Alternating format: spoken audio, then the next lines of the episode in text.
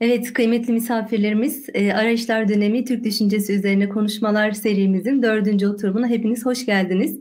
Bugün konuğumuz çağdaş dönemde Türkiye'de düşüncenin seyri üzerine konuşacağımız Doktor Necdet Subaşı. Necdet Hocam hoş geldiniz. Hoş bulduk efendim. İyi akşamlar. Doğrusu böyle bir konuyu sizinle konuşacak olmanın mutluluğunu ve heyecanını yaşıyorum. E, hocam dilerseniz ben öncesinde aslında bugünkü başlığa da bizim için ilham olan son kitabınızdan kısaca bir bahsetmek isterim. Hocamızın son kitabı Derdimiz Hayat e, kitabı. Doğrusu e, günlük hayat sosyolojisi üzerine gerçekten yol gösteren hem teorik hem de pratik çerçevede kurgusu güçlü bir çalışma. Ee, özellikle kültürel farkındalığı yüksek, cesurca bir yüzleşme ve yine cesurca bir hesaplaşma üzere kurgulanmış. Düşünce seyrimizin anlaşılması açısından ben bu açıdan çok kıymetli buluyorum. Kitapta e, temel meselelerimiz, temel kavramlarımız ve temel kurumlarımız üzerine hem teorik hem de pratik bazı e, yüzleşmeler göreceğiz, göreceksiniz.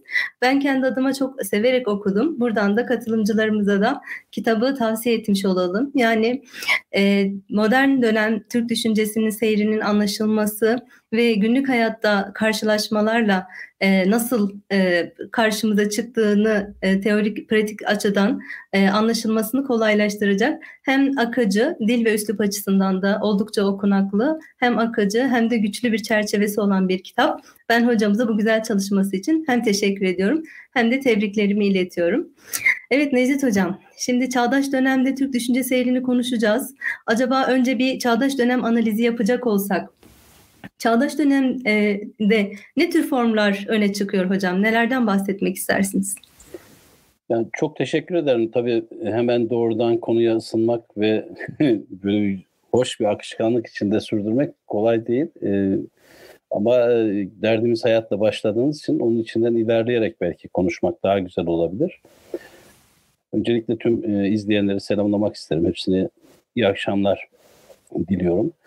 E, ben bir düşünce tarihçisi falan değilim. Yani e, uğraşlarım, çalışmalarım arasında yoğunluklu olarak düşünce tarihi, Türk düşünce tarihi yok. Ancak e, ister istemez kendi ilgi alanlarım e, bir şekilde düşünce tarihine de e, dikkat kesilmemi, onun e, nereden nereye doğru aktığı konusunda belli bir duyarlılık içerisinde takip etmemi gerektiriyor. Dolayısıyla belki e, böyle e, düzenli kronolojik bir çerçeve içerisinde e, düşünce tarihinden söz etmekte zorlanabilirim. Ancak onun e, bizim sosyolojimizle, bizim m, tarihsel, kültürel bağlamlarımızla hangi arada nerede kesiştiği konusunda belki kişisel düşüncelerimi rahatlıkla bu vesileyle bu platformda sunabileceğimi düşünüyorum. E, çağdaş dönem e, kavramı tabii çok e, farklı açıklamalara çok farklı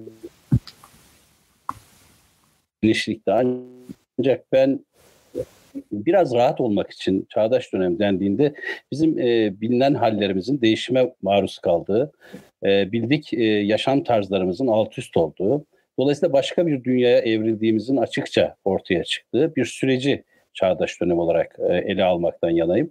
Bu biraz geriye doğru 19. yüzyıla kadar götürülebilir ama aktif somut olarak 20. yüzyıl ve şimdi içinde 20 yılını kazandığımız yeni yüzyılda birlikte değerlendirebiliriz. Yani çağdaş dönemi üzerine basa basa sürekli hatırlamamızın nedeni orada e, bildiğimiz şeylerden farklı yeni bir sesle, yeni bir duruşla, duyuşla ya da e, alışık olmadığımız bir e, yaşam tarzıyla, yaşam akışıyla e, yüzleşmek ya da karşı karşıya gelmenin getirdiği bir durum. Bu nedenle sanırım siz de bunu e, benim anladığım gibi kastediyorsunuz. Yani çağdaş durum dendiğinde biraz e, yalpaladığımız, uyumda ya da karşı çıkışta zorlandığımız, neye nasıl e, bakacağımız konusunda geleneksel reflekslerimizi e, hayata geçirmekte zorlandığımız, yeni şeyler ifade etmekte, bulmakta, icat etmekte bir şekilde zorlandığımız yani bir tedirginlik süreci. E, bu hem içinde bulunduğumuz yüzyıla alışmakla ilgili bir problem. Alışacağız, alışacaksak neleri kaybederek, nelerden vazgeçerek e, alışacağız. Hem de bulunduğumuz yüzyıla e, bir şekilde mesafe koymak. E, mesafe koyarsak hayatın gerisinde kalacağız. Yani çok paradoksal bir süreç. Yani hem gerisinde kalmaktan duyulan bir kaygı, hem ona uyum sağlarken bir şeyleri kaybetmenin, e, bir şeyleri kaybedeceğimize dair bir korkunun, kaygının e, devreye girmesi. Yani böyle iki arada bir deredelik durumu sanki çağdaş e, dünyadan bahsettiğimiz zaman ama kuşkusuz yaşıyoruz, içindeyiz. Bizim de e, hayatımızın bir kronolojisi var. Doğduğumuz gün belli. Vakti saati gelince de hayatı terk edeceğiz. Ama ister istemez e, bir hep yeni bulmuşluk, bir hep yeni karşılaşma. Yani bir e, böyle bir kendimizi salarak işte herhalde hayat böyledir deyip e, içine dahil olacağımız bir süreçten bahsetmiyoruz. Her gün yeni şeylerle karşılaşıyoruz. E, sahip olduğumuz referans setleri bazen bizi yetersiz bir sürece davet ediyor. E, zorlanıyoruz. Bazen hiç beklenmedik bir performansla gündelik hayatın akışına ram oluyoruz, teslim oluyoruz. E, bu tabii sorumluluk sahibi insanlar için, e, moda terimle aydınlar için, e, mütefekkirler için e, ister istemez bir kaygı ne oluyor sorusunu gündeme getiriyor. Yani böyle herhalde bir giriş e, içinden geçtiğimiz o e, muhataralı dönemin nasıl bir şey olduğunu ifade etmek için yeterli olur sanıyorum. Evet. Hocam e, bu karşılaşmalar yeni olanla e, karşılaştığımızda yaşadığımız panik aslında bizim e, değişim kavramı anlayışımız etrafında biraz şekilleniyor diyebiliriz sanırım. Yani özellikle işte çağdaş olanı, yeni olanı konuştuğumuzda değişim kavramı olmadan konuşmak çok mümkün olmuyor. Peki bugün ben size hani e, hem bu yeniyle karşılaşmada yaşadığımız paniğin anlaşılması hem de orada bir teskin edilebilmemiz açısından değişim olarak neyi görüyoruz? Bununla nasıl yüzleşmeliyiz? Neler söylemek istersiniz?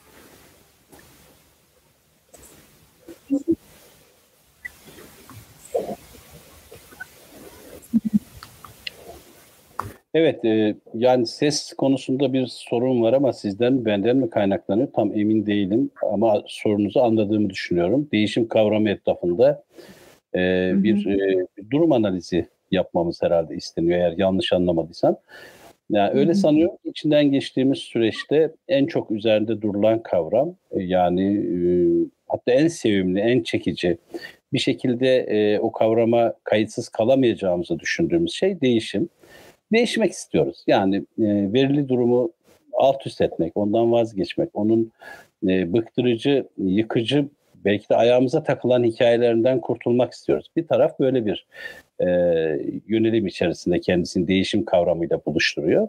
Bir tarafta değişime karşı demin girişte söylediğim gibi bir ihtiyat payı yani değişelim ama nasıl bir değişim sorusunu sürekli gündemde tutan böyle bu tedirginlik içerisinde ilerleyen e, bir yandan da bu yani çok daha içten bir dille konuşmak gerekirse eldeki bakiyeye bakıyoruz, müktesebata bakıyoruz.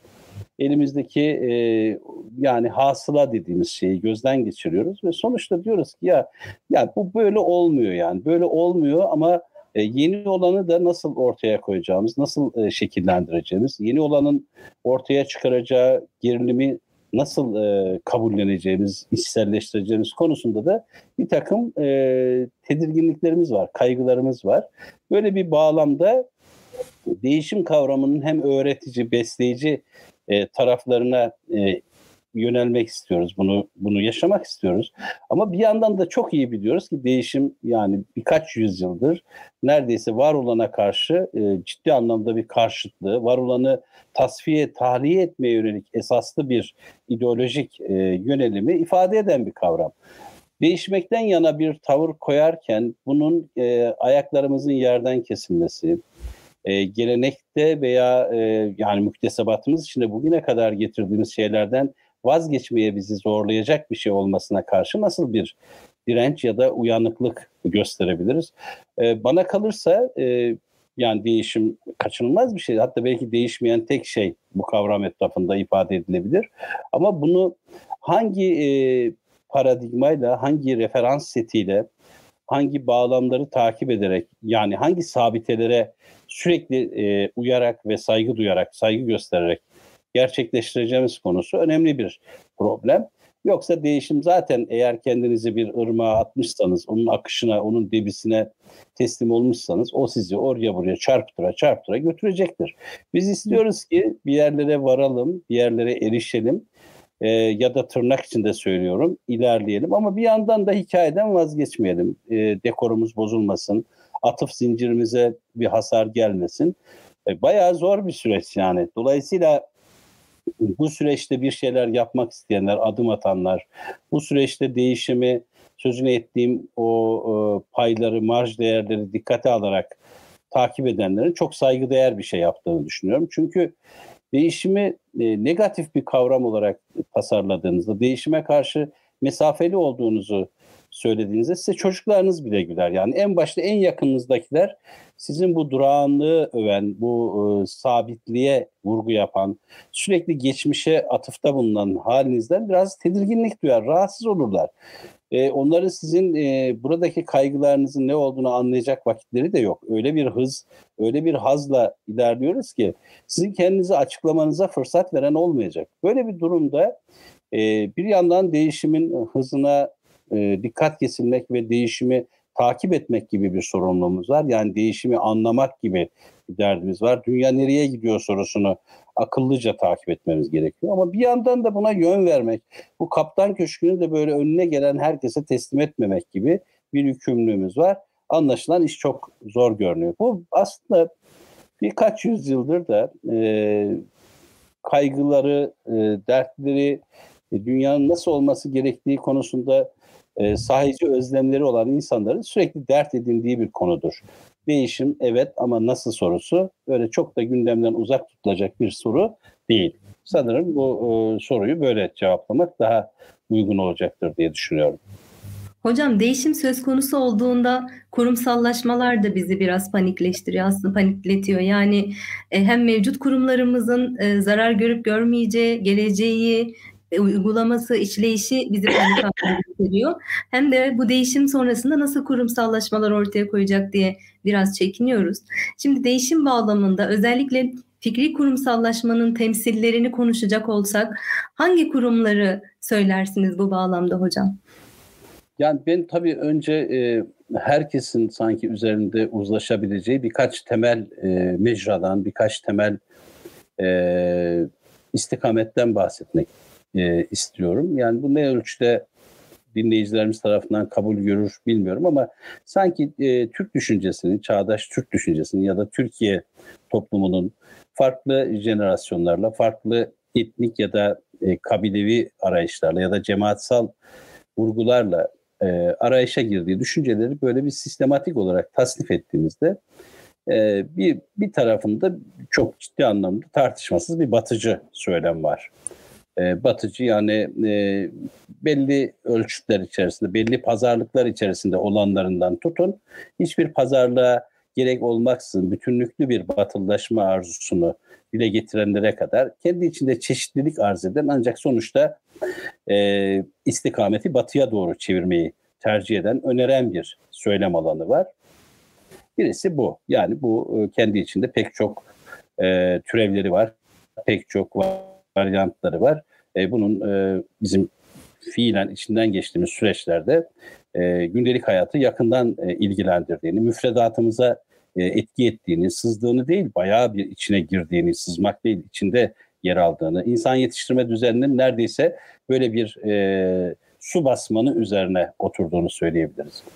İkincisi e, daha çok yerel, milli, otantik olanın e, daha değerli, daha koruyucu bir kalkan olduğuna, bu kargaşayı, bu gerilimi ancak Türklüğe ya da Türklük etrafında oluşabilecek milliyetçi e, kodlarla ilişkiye geçerek e, koruyabileceğimizi, e, dolayısıyla Türklüğü, işte o Türklüğün üzerine oturduğu kültürü, o kültürün üzerine oturduğu referans setini sürekli hatırlatan bir eğilim, milliyetçilik diye belki bunu e, tanımlayabiliriz. Yani bu tarzların içerisinde ikinci bir model olarak. Bu da yine e, Türk toplumunda sadece e, vatandaş e, nazarında itibar gören bir söylem alanı değil.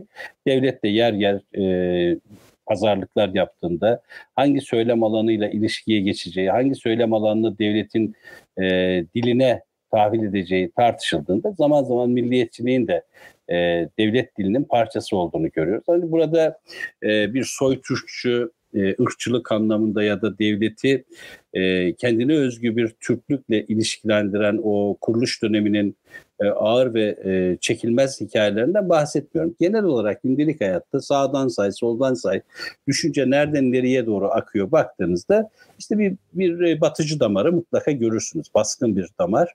Belki hı hı. E, bu damar devlet ve iktidar bileşenleriyle de uzunca bir süredir buluştuğu için belki 19. yüzyıldan bugüne kadar süren bir ilginin e, otoriter bir ilginin parçası olduğu için tabii ki kabul gören, e, meşruiyeti sorgulanması pek fazla istenmeyen, e, dolayısıyla da gündelik hayatta karşılığına rastlamakta zorlanamayacağımız bir damar.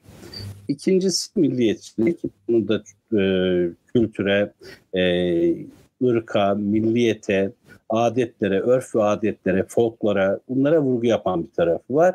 E, tabii ki o da kendi mitolojilerini, kendi referans ağlarını sürekli olarak aktüelleştirmekte, canlı tutmakta çaba gösteriyor. Üçüncüsü de yine bu bağlamda aynı minvalde değerlendirilebilecek İslamcılık dediğimiz e, söylem akışı. Bu da yine 19. E, yüzyıldan itibaren değişik e, süreçlere tabi kıvamını her seferinde yeniden kurmaya çalışan İslam bugün ne ifade ediyor? Bugün İslam'a nasıl bir yer açılabilir? İslam'ı hem muktedir hem de dünya ölçeğinde e, meşru, e, kendisine müracaat edilebilir, kurtarıcı bir dil olarak nasıl e, canlı tutabiliriz? Böyle bir söylem alanı var. Bugün tabii İslamcılık da, milliyetçilik de, batıcılık da e, kamuoyunda çok ciddi anlamda masaya yatırılıyor. Bunlar sorgulanıyor. Bunların e, vaat ettikleri, e, ortaya koydukları değerler ve tabii ki hasıla üzerine pek çok e, tartışma hatta polemik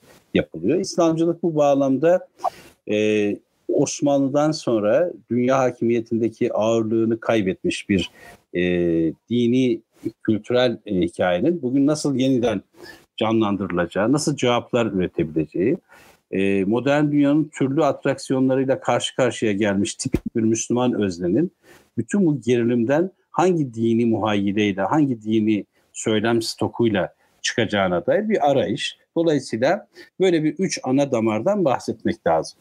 Onun ötesine biraz daha belki bu e, düşünsel yönelişlerin hangi mecralarda e, şekillendiğini, nerelerden beslendiğini onu incelemeye baktığımızda yani Türkiye'de e, düşünce alanının bir tarafının eğitim alanından geldiğini, eğitim kanallarının önemli ölçüde düşünce alanını besleyen bir mecra olduğunu söyleyebiliriz. Yani üniversitenin e, ürettiği bilgi sisteminin bu sistematiği kendine özgü bir vatandaş kadrosu yetiştirdiğini, bu vatandaş kadrosunun da ilkokuldan işte e, eğitimin son halkasına kadar belli bir müfredatı, e, belli bir paradigmaya ikna olacak şekilde takip ettiğini ve bu bu paradigmatik modeli onaylayan, bu paradigmatik modelde bir meşruiyet sıkıntısı görmeyen genel geçer bir vatandaş kitlesi yarattığını söyleyebiliriz. Bu e, yani biraz e, batıcı, biraz e, milliyetçi, biraz İslami konularda e, bir vefa ilişkisi içerisinde İslam'a atıfta bulunan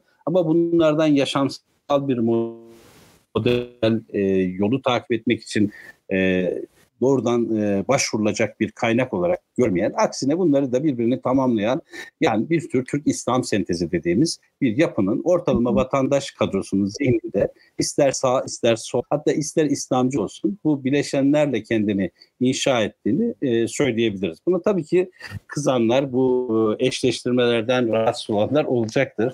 Ancak ne yazık ki ortalama zihin bu paradigmatik modeli daha başından itiraz etmediği için, daha başından ona karşı e, belli e, itirazları, belli kayıtları ortaya koymadığı için ortalama yurdum insanının e, bu düşünsel e, çeşitlilik içinde, çeşitliliğin varyantlarında değil aksine hepsinin ortak bir sentezinde kümelendiğini ama daha nitelikli, daha ayrıcalıklı e, bunlardan herhangi birine odaklanmış olarak bir yol göstericilik arayışı içerisinde olanların işte batıcı, e, milliyetçi ve İslamcı dediğimiz ana akım söylemler içinde, ana akım ideolojik e, yönelimler içerisinde ortaya çıktığını söyleyebiliriz. Bunlar da e, işte bir tarafı demin de söylediğim gibi üniversiteden besleniyor.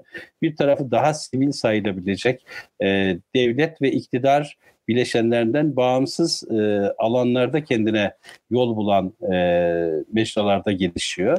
E, tabii Türkiye gibi ülkelerde insanların e, hazır bulduğu ideolojik kümelerden bağımsız bir dil kurmaları, bu ideolojik kümeleri sorgulayarak kendilerine bir e, ses e, yakalayabilmeleri o kadar kolay değil.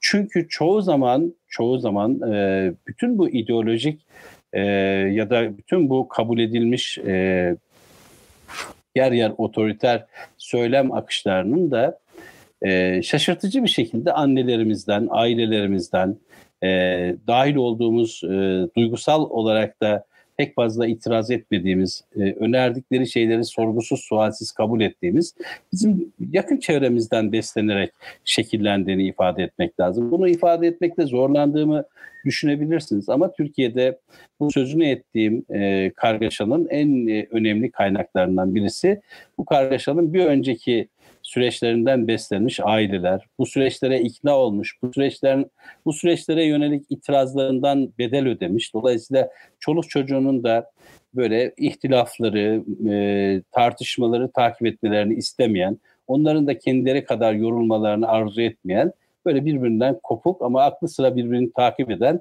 yeni bir süreçte karşı karşıyayız. Bunlar nasıl değerlendirilir? Buradaki e, bu bir, birbirinin içine geçmiş süreç nasıl analiz edilir? Açıkçası onu da ben de bilmiyorum yani. Hocam kitapta özellikle e, bahsettiğiniz bir anne baba üzerine bahsettiğiniz bir kısım var. Anneyi başta başına müstakil bir bölüm olarak işliyorsunuz. Babayı da e, kökler başlığında e, inceliyorsunuz. Ben burada da açıkçası ona dair e, orada geçen değerlendirmelerinizi izleyicilerimizin de duymasını isterim. Yani anneden bahsettiğim zaman yani tabii ki anne bizim her şeyimiz. E, bunu e, bunu kim tartışabilir annenin hayatımızdaki yerini ama annemizin bize e, acaba epistemik anlamda bir yüzyıl öncesinin anneleri midir e, bugün bize o kök hafızayı taşıyanlar? Bugün annelerimiz ne ölçüde bu hafızanın taşıyıcısı ve devamlılığı konusunda bir gayrete sahipler? Anne her durumda kutsaldır, her durumda onların varlığı tartışmasız değerlidir. Ancak sonuçta onlar da kendi makuliyet rejimlerinin içinden geliyorlar. Bir dünyanın kendilerine ikna edilmiş dilini e, kabulleniyorlar ve çocuklarına bunu e, oldukça duygusal bir e, akış içerisinde öğretiyorlar. Onları buna ikna ediyorlar. Yani bu e, bir öğretmen çocuğu olarak benim de e, yakından e, yani sonradan geriye doğru dönüp baktığımda çok rahat keşfedebildiğim bir şeydir. Sonuçta bir dünya bilgisi aile içinde size sunuluyor. Arkasından okul, sokak, mahalle e, daha organik bir şekilde e, devlet ve çıkar e, alanları ne yaparsam iyi olurum, ne yaparsam kazanırım gibi yani sonuçta gündelik hayatta e, rekabet alanları içerisinde önümüze çıkan konular bizi etkiliyor ister Burada ben anneyi e, şu anlamda söyledim. Yani e, eskiden sahip olanı, sahip olanı doğru olanı e, istikamet üzere olmayı e, besleyen ana damarın aile olduğuna inananlardan. Ama bugün aileler de sonuçta e, verili ortamın, verili düzenin nasıl işlediğinden haberdardırlar ve bu pragmatizm içinde çocuklarını şekillendirmeye başlıyorlar. Buralar içinde anne geçen kelimeleri, içinde anne geçen alanları eleştirel bir dille konuşmaya e, bizim kültürümüzde, duygusal evrenimizde izin vermez. Ancak biraz da iş o tarafı vardır. Onu da söylemek isterim. Üstelik annesini yeni kaybetmiş birisi olarak ve izleyicilerden Fatiha bekleyen birisi olarak. Allah rahmet eylesin tekrar hocam. Sağ olun. E, hocam e, şimdi biraz e, kurumlardan konuştuk. Fakat e, düşünce söz konusu olduğunda yani özellikle biz çağdaş dönemde düşüncenin seyrini konuşmak, izlemek e, istiyoruz. Sizin de Derdimiz Hayat kitabında dikkat çektiğiniz bazı kavramlar var. Ben istiyorum ki biraz bunlar üzerine devam edelim.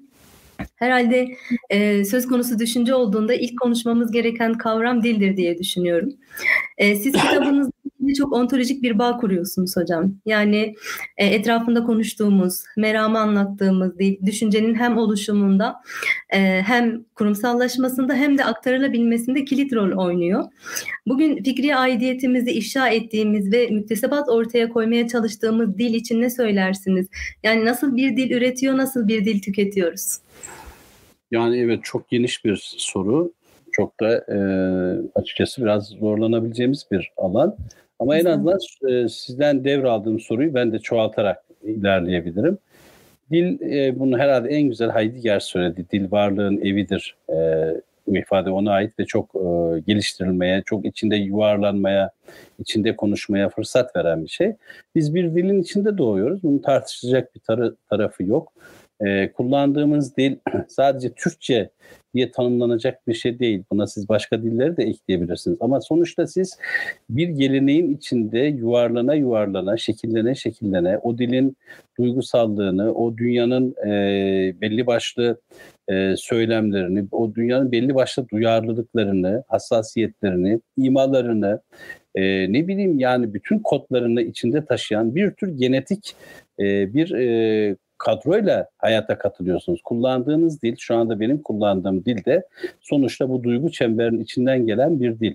Bu dil e, eğer kötürümleşmemiş, eğer hala bizi beslemeye, bize iyi gelmeye devam eden türkülerde, şarkılarda, ilahilerde, ne bileyim muhabbetlerde, bir yol arkadaşlığında e, takip edildiğinde bizi bize iyi gelen bir sese hala e, sahipse, hala iyi bir e, tınıyı beraberinde taşıyorsa e, bu dil demek ki bizim beraberinde getirdiğimiz en önemli kaynaklardan bir şey. Biri. Bunun içinde düşünüyoruz. E, düşünce alanımızı derinleştirirken e, kullandığımız yani eğer bir aparattan, bir araçtan, bir aygıttan söz edeceksek en merkezi noktada olan şey eğer aklı bir tarafa bırakacak olursak kuşkusuz dil. Çünkü o dilin imkanlarıyla düşünüyoruz. Burada tabii e, dili kötürümleştirmek, dili e, içinden geçtiğimiz süreçleri karşılayacak bir derinlikte yeniden yeniden üretmek gibi bir sorumluluğumuz var.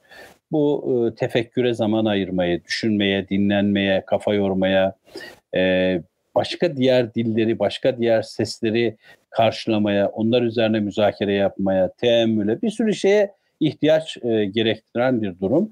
E, maalesef e, hep söylerler e, çok dar, çok kısıtlı bir dil e, dünyası içerisinde konuşmaya alıştırılmış. Dolayısıyla o dilin, o dil dünyasının izin verdiği ölçüde dünyaya bakmayı bilen, e, sınırlılıklarımız içinde dünyayı değerlendiren bir e, aile havasındayız. E, bunu e, biraz dünyaya bakarak, biraz gözlerimizi açarak, biraz kulaklarımızı pasını e, silerek yeniden yeniden yeni dillere, yeni kavramlara, semantiye, hermenötiğe, tefsire, bütün bunlara açılarak belki bir gelişim sağlayabiliriz diye düşünüyorum. Maalesef e, kötürümleştirici bir e, e, dünya algısı sizin yeni şeyler söylemenizi ve üretmenizi imkansız kılan ve çok sahte, çok sade e, ve basit şeylerle sizi ikna eden bir dünyada yaşıyoruz. E, bu dünya zaten bu ucuzluğuyla bizi yakalıyor. Bu ucuzluğuyla bizi e, oldukça pespaye, oldukça sıradan şeylerin peşine takmayı başarıyor.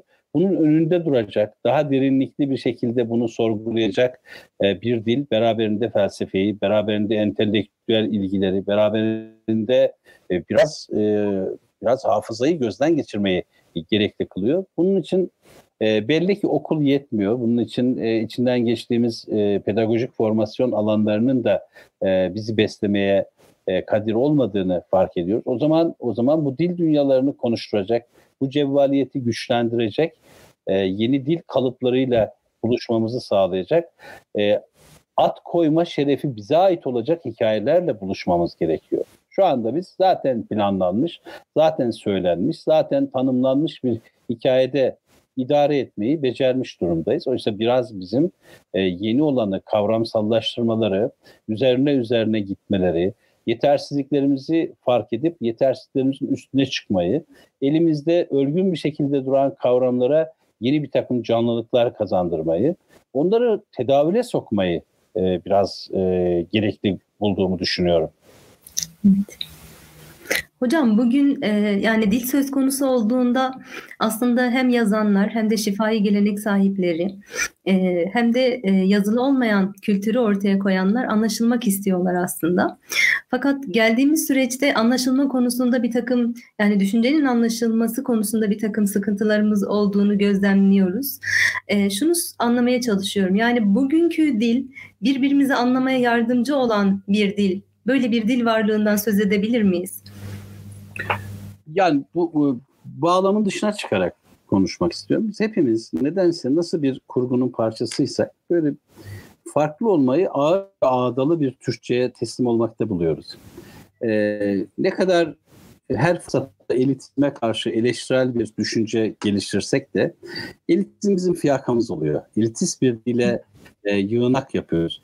E, çabalarımız e, bizi anlayan ya da birlikte birbirini anlayabilen insanların buluşma noktalarını çoğaltmaktan çok giderek kendini yalnızlaştıran ve kendinin içinde kalan e, bazı ünlü düşünürlerimizin söylediği gibi fil dişli kuleye doğru rağbet oranın rağbetiyle e, tatmin olan bir yere doğru savruluyor.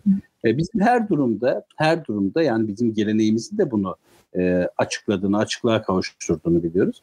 Bizim her durumda annemizle konuşabileceğimiz bir dili korumamız gerekiyor.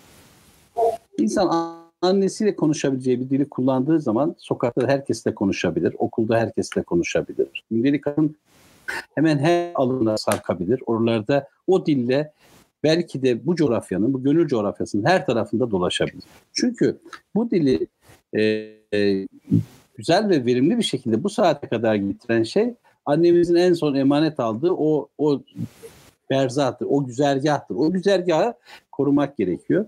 Özellikle e, akademik e, ilgilerle ilerleyen bir e, dilin e, elden geldiğince soğuk, e, boğucu e, ve biraz dışlamayı, biraz dışarıda bırakmayı tercih eden bir şekilde işlediği görülüyor. E, avami diye küçümsenen ya da avami diye biraz e, kenarda tutunmaya çalışılan şeyin de ağır ve derinlikli konuları kavrama konusunda biraz e, yetersiz hatta yetersizlik yetmez e, e, habersiz belki de yetersizliğin ötesinde bütün bunlara duyarsız bir yerde olduğu anlaşılıyor. E, zaten e, zihnen savaşıyorsunuz, zihnen durduğunuz yere sığamıyorsunuz. Yaşadığınız yere ilişkin, yaşadığınız dünyaya ilişkin çok ciddi eleştirel e, duruşunuz var. Bu duruşunuzun mühimmatında en çok üzerine yatırım yapacağınız şey dildir. E, bu dille ulaşacaksınız. Yani bu dil bazen pedagojik anlamda bir yumuşak sestir, yumuşak bir ifade kalıbıdır. Bir insanın gönlüne akmayı başaran bir şeydir. Ama bazen de bu dil akla, sezgiye, tefekküre vurgu yapan bir şeydir. Yani bu çeşitlilik içerisinde dili e, yeniden yeniden inşa etmek ve bu dilin imkanlarını kullanmak zorundayız. Bugün e, yani din alanına e, aktarılmakta bu tartışmayı o alana çekmekte bir sakınca yok sanırım. Mesela çok rahat bir şekilde e, bizim e, olmazsa olmazlarımız arasında yer alan tebliğ dilinin bugün nasıl bir pedagojiyle işlediğini, bugün e, hangi konulara vurgu yaparak insanları dine çağırdığını, bu çağrılan dinin ne olduğunu konuşmak lazım. Burada evet. mekanik, soğuk, e, insana dokunmayan, insanın e, alıcılarından e, bir karşılık beklemeye hazır olmayan ama e, böyle bir bürokratik bir akış içerisinde gerçekleşen, yaptım, oldu, söyledim, benden günah bitti havasında işleyen ve kurnazca bir dil akışı var. Bunları tabii ki e, hepimiz bu dinleyicilerimizle tenzih ederim. E, ama bunun getirdiği şey de birbirine yük olan, birbirini boğan. Dolayısıyla bu dil e, nedeniyle böyle bir çıkmaza girmiş dil nedeniyle onun arkasında gizli olan hakikatle bağını da törpüleyen acayip bir kısıtlamayla karşı karşıyayız. Biraz bunları da dert etmek gerekir diye düşünüyorum. Evet. Hocam aslında konuşmanız boyunca değindiniz ama ben hani dinleyenlerimiz de muhtemelen e, bunları e, derli toplu duymak isterler. Hangi kelime, kavram ve düşünce biçimi aslında bugün dilimizi oluşturuyor diye sorsam neleri söylersiniz? Ee, bu biraz zor e, zor bir soru. Şöyle yani elimizde e, hemen her fırsatta kullanabileceğimiz demirbaş bir e, bir stoğumuz yok yani. Şu kelimeleri şunlarla konuşurken e, şu kelimeleri bu bağlamda diye bir stoğumuz yok. Ama şu kadarını söyleyeyim. Elimizdeki kelimelerin yorgun olduğunu biliyorum. işlenmemiş, e, üzerine çalışılmamış, üzerine odaklanılmamış olduğunu biliyorum. Ben zaman zaman e, çok büyük saygı duyduğum e, bizim sahalarda e, böyle ortaya koyduğu eserleriyle takip edilmeyi hak eden e, düşünürlerimizin böyle dipten köşeden ambardan çıkarıp getirdikleri bazı sözcükleri görüyorum. İnsan diyorsunuz ya bu kelime kadar açıklayıcı, bu kelimenin taşıdığı kadar bu yükü kaldırabilecek başka bir kelime olamaz diyorsunuz. Bu konu üzerinde durmakta da biraz haklıyız çünkü biz e, e, en somut anlamda bir dil devrimi yaşadık. Yani büyük bir e, dönüşüm gerçekleştirdik. E, elimizdeki e, müktesebatımızı inşa eden kavramların çoğundan vazgeçtik. Bugün bu kavramları bırakın e, böyle aile içinde ya da e, bir dost meclisinde konuşmayı bu işlerin uzmanı olunan alanlarda bile kullanamıyorsunuz. Mesela dini bir platformda, e, dini bir yoğunluk içerisinde ilerleyen sohbette bile din dilinin ne kadar e, böyle yapay, ne kadar e, gerçekliği yansıtmakta zorlanan bir şey olduğunu görüyorsunuz. Oysa din dili böyle bir şey midir? Yani muhtemelen din dili kendi kavramsal setini, kendi kavramsal bileşenlerini sürekli takip eden ve o ıslahları takip etmekle kendini ifade eden bir e, yapı oluşturması gerekiyor. Bugün din bile oldukça seküler bir e, kavram setiyle konuşulabiliyor. E, dinin insanın e, çok çok içsel e, mekanizmalarını harekete geçiren, harekete geçirmesi beklenen o duygu temelli e, kavramlarını bugün ne yazık ki olabildiğince dönüştürerek, olabildiğince boğarak ve bozarak kullanmaya çalışıyoruz. Bu sadece onun için değil, e, edebiyat dediğimizde de benzer sorunları yaşıyoruz. Belki de bu yüzyılın başında e, yaşadığımız o alt üst oluşlar e, ve ortaya onu çıkardığı takım e, panikler dil konusunda da bizi biraz yersiz yurtsuz yaptı. Fakat neyse ki şimdi güzel şeylerle de karşılaşıyoruz. E, bu dilin imkanlarını çoğaltan, bu dilin e, gidilebilecek en e, erken nereye kadar gidilirse oradaki köklerine ulaşıp onu yeniden icat etmeyi, yeniden inşa etmeyi, içeriklendirmeyi ve onu fonksiyonel anlamda bugüne taşımayı başaran pek çok kişi de artık var aramızda ve çok saygıdeğer e, çalışmalar yapıyorlar. Biraz e, özveride bulunmak gerekiyor. Bu çabaları desteklemek gerekiyor. Bugün e, dil yetersizliğinin, e, bugün kendi dünyamızı ifade etmekte zorlandığımız bir dil eksikliğinin nelere mal olduğunu da az çok biliyoruz. Çünkü e, saygın bir e, söylemin, saygın bir e, düşünce formunun e, kamusal alana taşınması, daha geniş kitleler tarafından rağbet görecek şekilde e, ilgiye açık bir hale getirilebilmesi her şeyden önce onun e, muhtevasında, içeriğinde yer alan dille alakalı bir şey. Dil çökmüş, dil yorgun, dil e, besleyici olmaktan e, çoktan uzaklaşmışsa sizin zaten onu dinlemek için e, kulak vermeniz de gerekmiyor. Sonuçta bir dolmuş müziğinin e, havasına kendini teslim etmiş ölgün bir dille karşı karşıya geliyorsunuz. Dil de e, bizim gibi dinamik olmak zorunda. Dil de hayatı karşılarken kendini yenilemek zorunda. E, bu konularda takıntıya, bu konularda e, komplekse falan da gerek yok. Eksiklerimiz vardır, tamamlanacaktır. Neyi nerede bulacağımız konusunda arayışta arayıştan vazgeçmemek gerekiyor, ilerlemek bu konularda olabildiğince her ambara, her depoya, her siloya el sokmak ve orada kaybettiğimiz kelimeleri bulmamız gerekiyor diye düşünüyorum. Evet, hocam e, sanırım dili konuşmak tarihi de konuşmayı da gerektiriyor bir taraftan. E, sizin kitapta tarihle ilgili bir tanımınız var. Benim çok hoşuma gitti. Dinleyenlerimizle de paylaşmak istiyorum. Tarih kullanım değeri yüksek bir stok diye tarihi tanımlıyorsunuz. E, bugün dilin, işte bir sonraki başlığımız olacak olan kültürün, dolayısıyla da geleneğin anlaşılmasında tarihin konumundan bahsetmek biraz kritik duruyor burada. Bu tarihin konumuyla ilgili neler söylemek istersiniz diye sormak istiyorum. Yani biraz daha olayı hatta e, ileri götüreyim. Tarihe nasıl bakmalıyız ve tarihten nasıl çıkmalıyız? Aslında bugün tarihle kurduğumuz e, tırnak içerisinde çarpık ilişkiyi an, anlaşılması ve bunu tarihi kendimize bir yük olarak konumlandırmaktan kurtulmak için önemli bir e, şey olacak diye düşünüyorum. Buyurun hocam. Yani bu e, tarih e, kuşkusuz çok felsefi bir alan. E, tarih, geçmişte yaşanan ve bugüne aktarılan belli bakış açıları, belli gözler belli, yaklaşım e, formları içerisinde bugüne aktarılan bir e, bir yaşanmışlık zinciri. Ama işte sizin de dediğiniz gibi bir e, ona nasıl yaklaşacağımız konusu problemli gözüküyor. Bir de onun içinde kaybolmak, hep orada yaşamak e, bu da çok problemli gözüküyor. Mesela ben de çok uzunca bir süredir dert ediyorum. Yani e, etrafında pek çok insanın nostaljik bir e, evrende yaşadığını görüyorum. Bazı arkadaşlarımın da e, tarihten bıktığını, yorulduğunu ve ütopyaya doğru e, savrulduğunu görüyorum. Bunun içine şimdi yenilerde distopyaları da eklemek zorundayız. Yani büyük bir bir kıyamet anlatısı, bir kötü oluş, her şey kötüye gidiyor havasında. Her şey geçmişte çok güzeldi diyenlerle her şey önümüzde daha kötü olacak diyenler arasında ilerleyip duruyor. Bu gidiş gelişler de doğal yani insanlık durumumuz mevcut e, reflekslere göre, mevcut e, olgulara göre kendine bir e, ya geçmişte ya da gelecekte bir çıkış kapısı arıyor. Hele e, içinden geçtiğimiz bu e, pandemi sürecinin de şimdiye kadar hiç olmadık bir şekilde bize yeni bir takım e, kabuslar yaşattığını, e, yeni arayışlara bizi zorladığını ancak bu arayışların da öyle çok da somut, çok da yol gösterici bir e, tema üretmediğini, e, bu bunalımın da bize ağıra patladığını, mal olduğunu da söylemek lazım.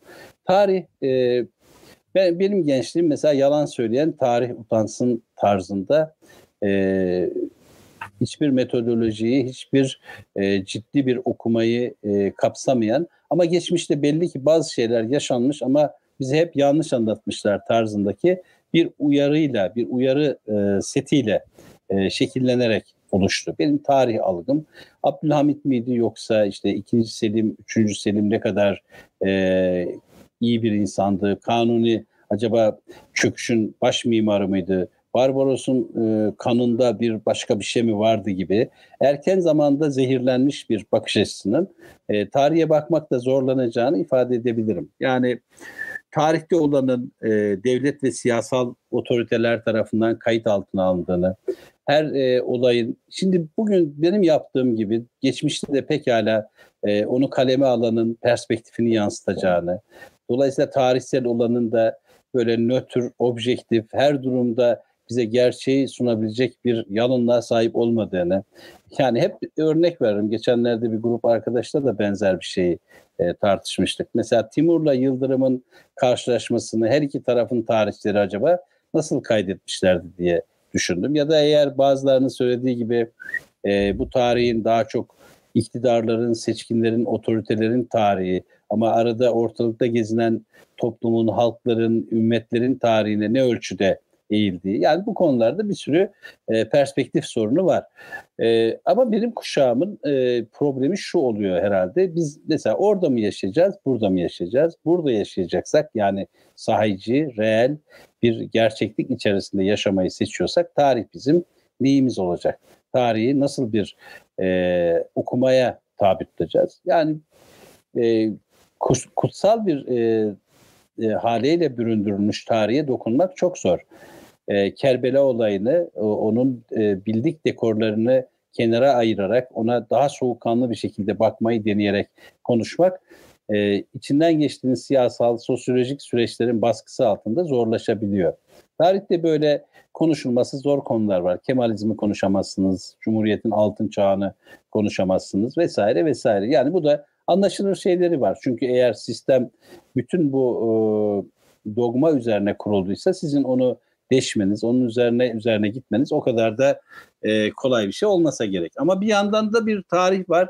Çünkü tarih bize sürekliliği, devamı, devamlılığı, hafızayı, bellek dediğimiz o, o geçmişten bugüne doğru akması beklenen o sürekliliği ve e, devamlılığı ifade ediyor. Buraya bakmak lazım ama bunu e, sıkı bir tarih felsefesi, bir ibret alınacak malzeme deposu, bir alet edevat çantası, oraya takılıp orada kaybolmadan ama orada olup bitenleri de bugüne taşıyacak bir perspektif. E, bu da yani aile hikayesi kadar basittir bana göre. Biz ailemizi, annemizi ve babamızı ne ölçüde konuşabiliriz?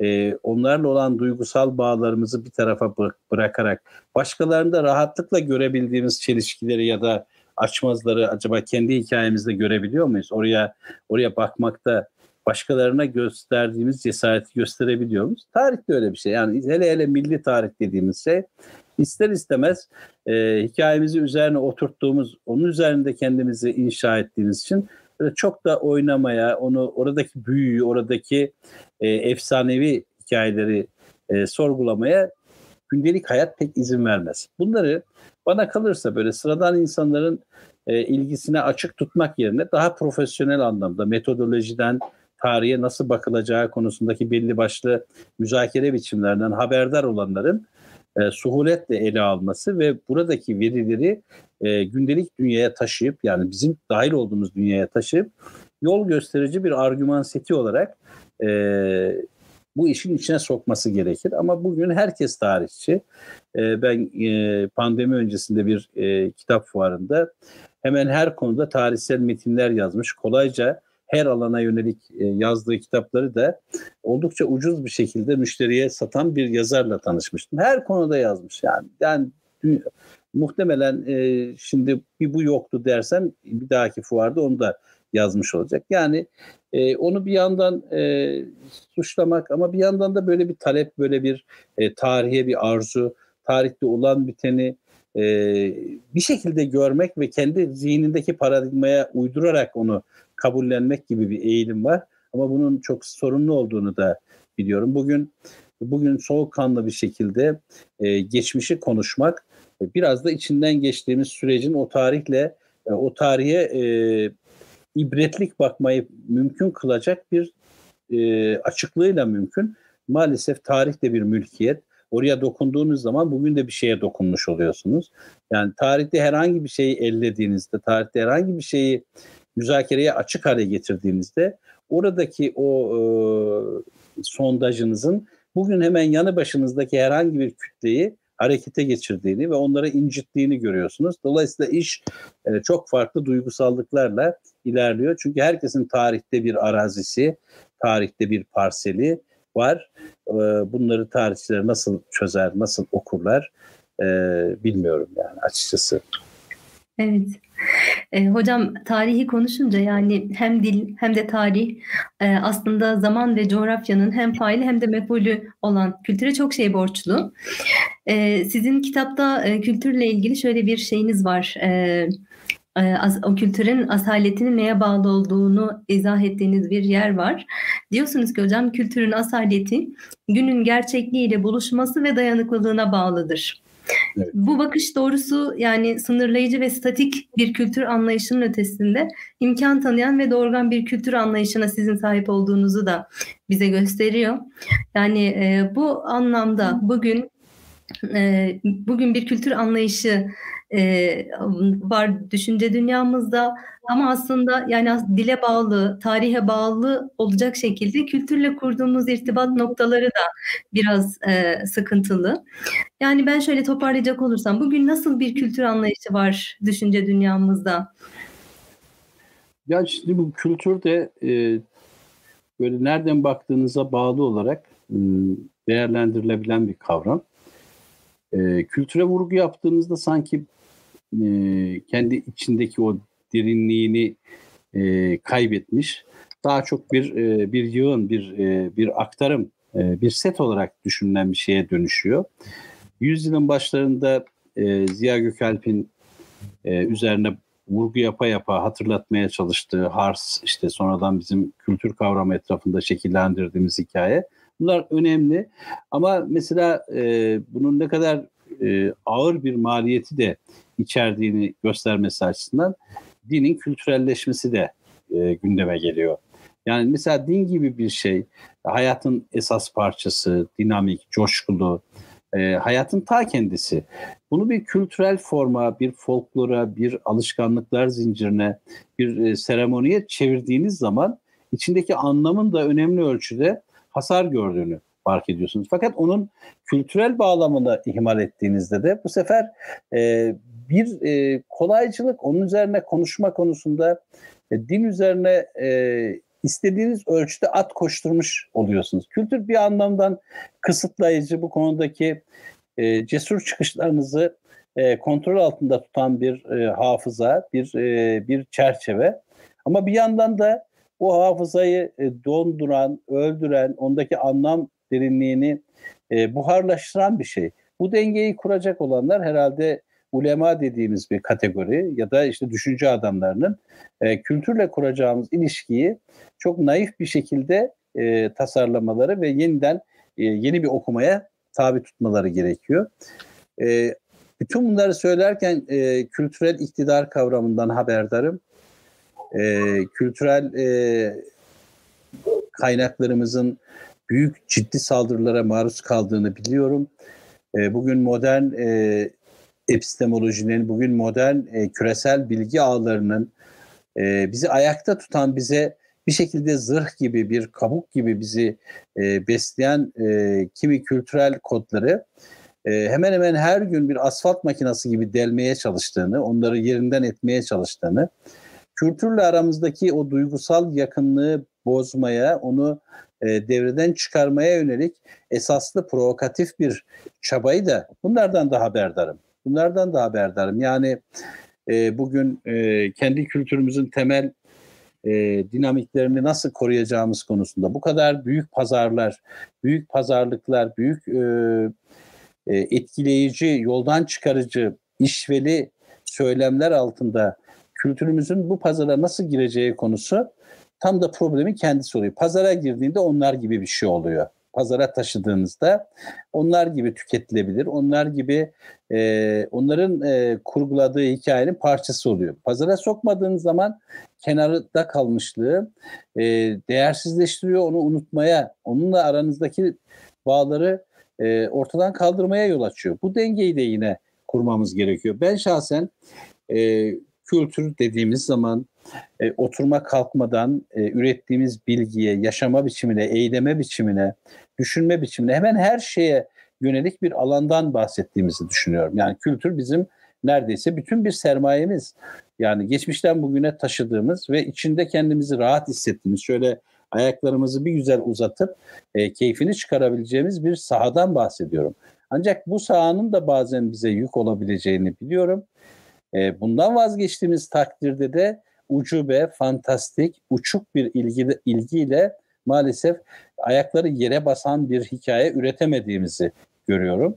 Bu dengeyi e, korumak zorundayız diye düşünüyorum. Bunun bir dengesi olması gerektiğinden haberdarım. Evet. Hocam e, kültür konusunu konuşunca kültürel temsilleri de herhalde biraz açmak gerekiyor. Yani sizin kitapta da kültürel temsillerle ilgili bahsettiğiniz bir husus var. Yani o kültürel temsilin kendi iş tutarlılığını kaybetmemiş olması esastır. Eğer kültürel temsil kendi iş tutarlılığını kaybetmişse bu bir e, anonim ve karmaşanın nedeni olur. Nedeni olarak ortaya çıkar diyorsunuz. Şimdi kültürel temsilleri düşüncenin inkişafı açısından değerlendirecek olsanız bugünkü karmaşanın, karmaşıklığın nedeni olarak neleri söylersiniz? Yani e, hafıza dediğimiz şeyin e, belli başlı ögelerinden birisi de kültür kavramı etrafında düşünmeyi gerektiriyor. Bir kültürel hafızamız da var.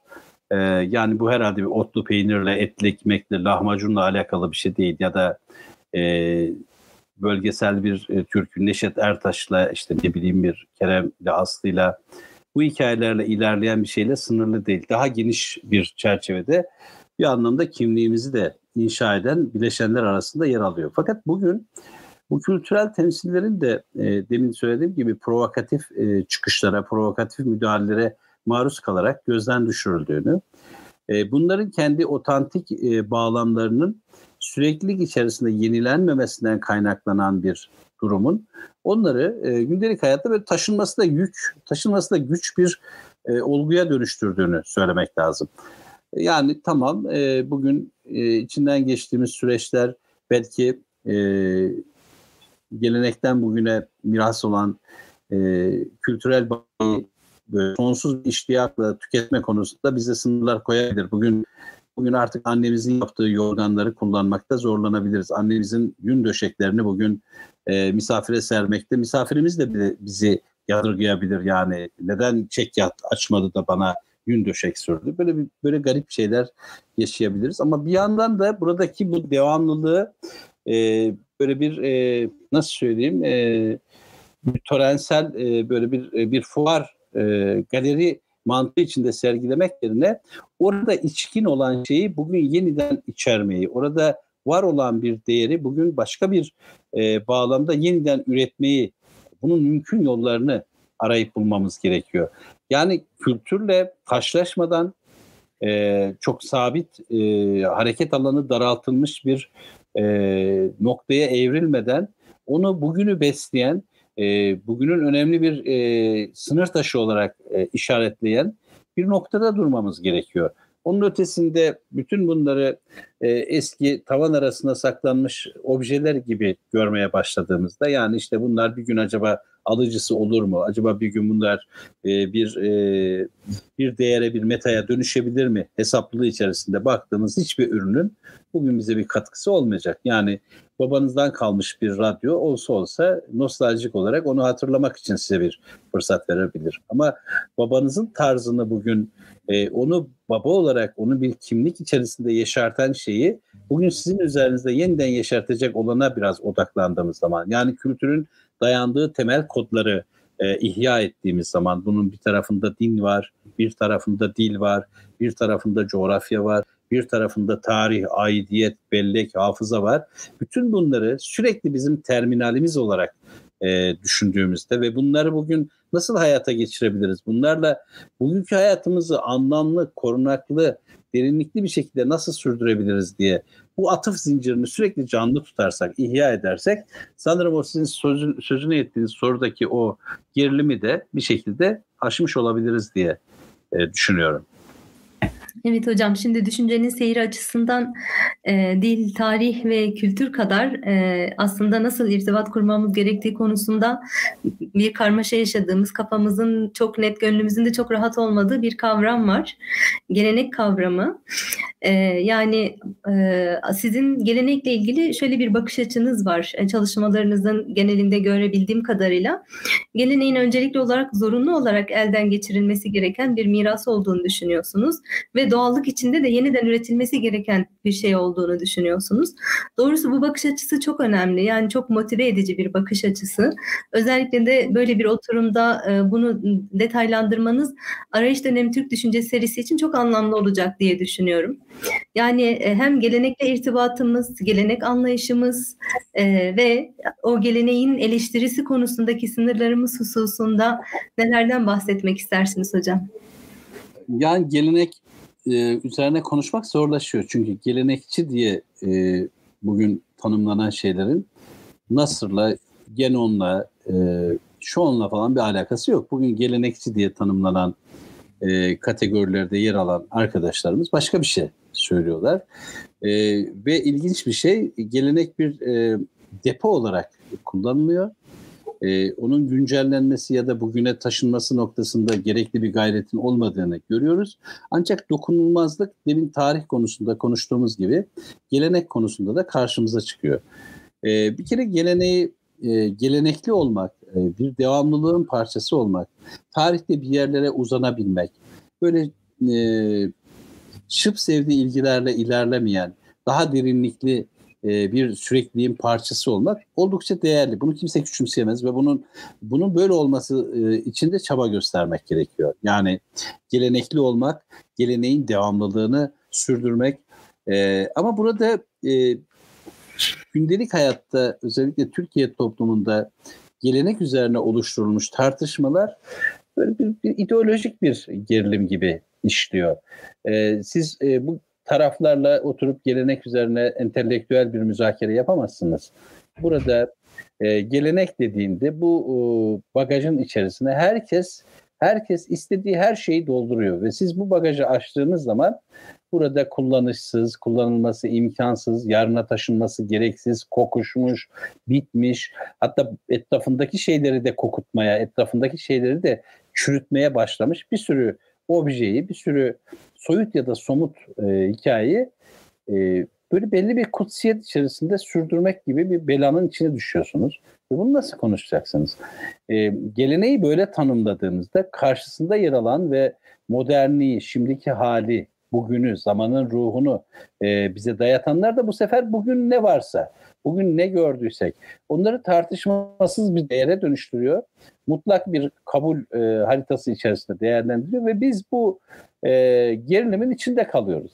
Oysa öyle olmadığını düşünüyorum. Yani ben ben hem geleneğin devamlılığını e, oldukça değerli buluyorum hem de gelenek üretmenin e, değerine çok fazla inanıyorum. Bugün sahip olduğumuz bir e, ürettiğimiz bir düşünceyi e, geçmişte herhangi bir e, kronolojiye, bir e, zincire bağlamadan böyle bütün tarihten yalıtılmış, gelenekten yalıtılmış bir şekilde inşa etmenin onu bir kere daha baştan köksüz bir hikayeyi takip eden, bir hikayenin içinde e, çalışılarak üretilmiş bir üretimden çıkarıp onu bağımsız ve bugüne has bir şeye dönüştürdüğünüzde onun hiç kalıcılık değeri olmayacağını rahatlıkla söyleyebiliriz. Bugün geleneği e, anormal, kendinden menkul çıkışlarla mutlaklaştırıp ona bir kutsiyet atfetmek. Dolayısıyla her nasılsa bizden önce gerçekleştirilmiş olmanın avantajıyla bugüne kadar gelmiş bir bakiyeyi, e, bir mirası böyle her tarafından yüceltmenin e, yani bana göre eğlenceli olmaktan başka bir anlamı yok. Ama bunu söylerken yine de e, çok özel, çok geniş bir istisnaya da vurgu yapmam gerekiyor. Dünle bağını kesmek, anneyle bağını kesmektir.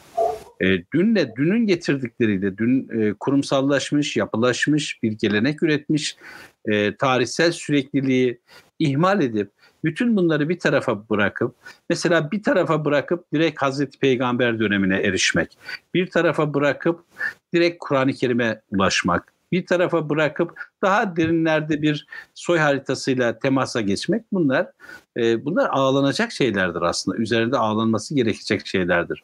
İnsan e, yani bir köye gittiğinizde bile muhatabınızın hangi soy haritasına, hangi köklere, hangi sülaleye ya da e, asabiyeye mensup olduğunu bilme ihtiyacı duyuyorsunuz. Çünkü muhatabınızın kendinden ibaret, kendinden menkul bir değer olmadığını farkındasınızdır. O bir şey devam ettiriyor.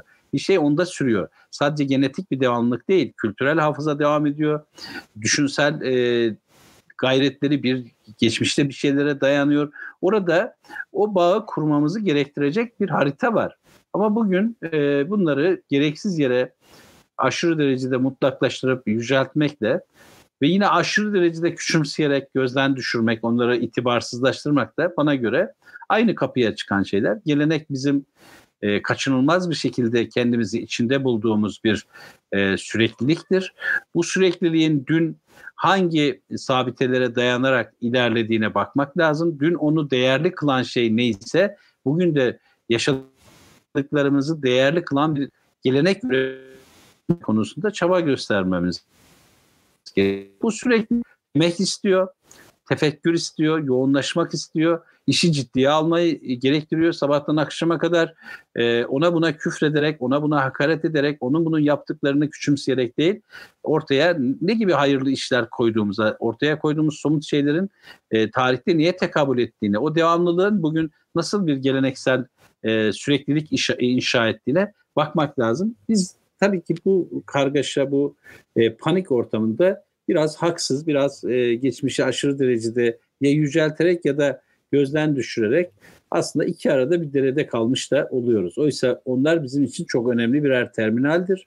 E, bu terminali güncelleyerek, bu terminalin bugüne akışını sağlayacak yeni mecralar üreterek ama orada kalmayarak, orada donup kalmaksızın onlara bugün e, bir dil kazandırarak onlara dil kazandırırken de kendimizi inşa ederek, kendimizi yeniden kurarak e, yol alabileceğimizi düşünüyorum.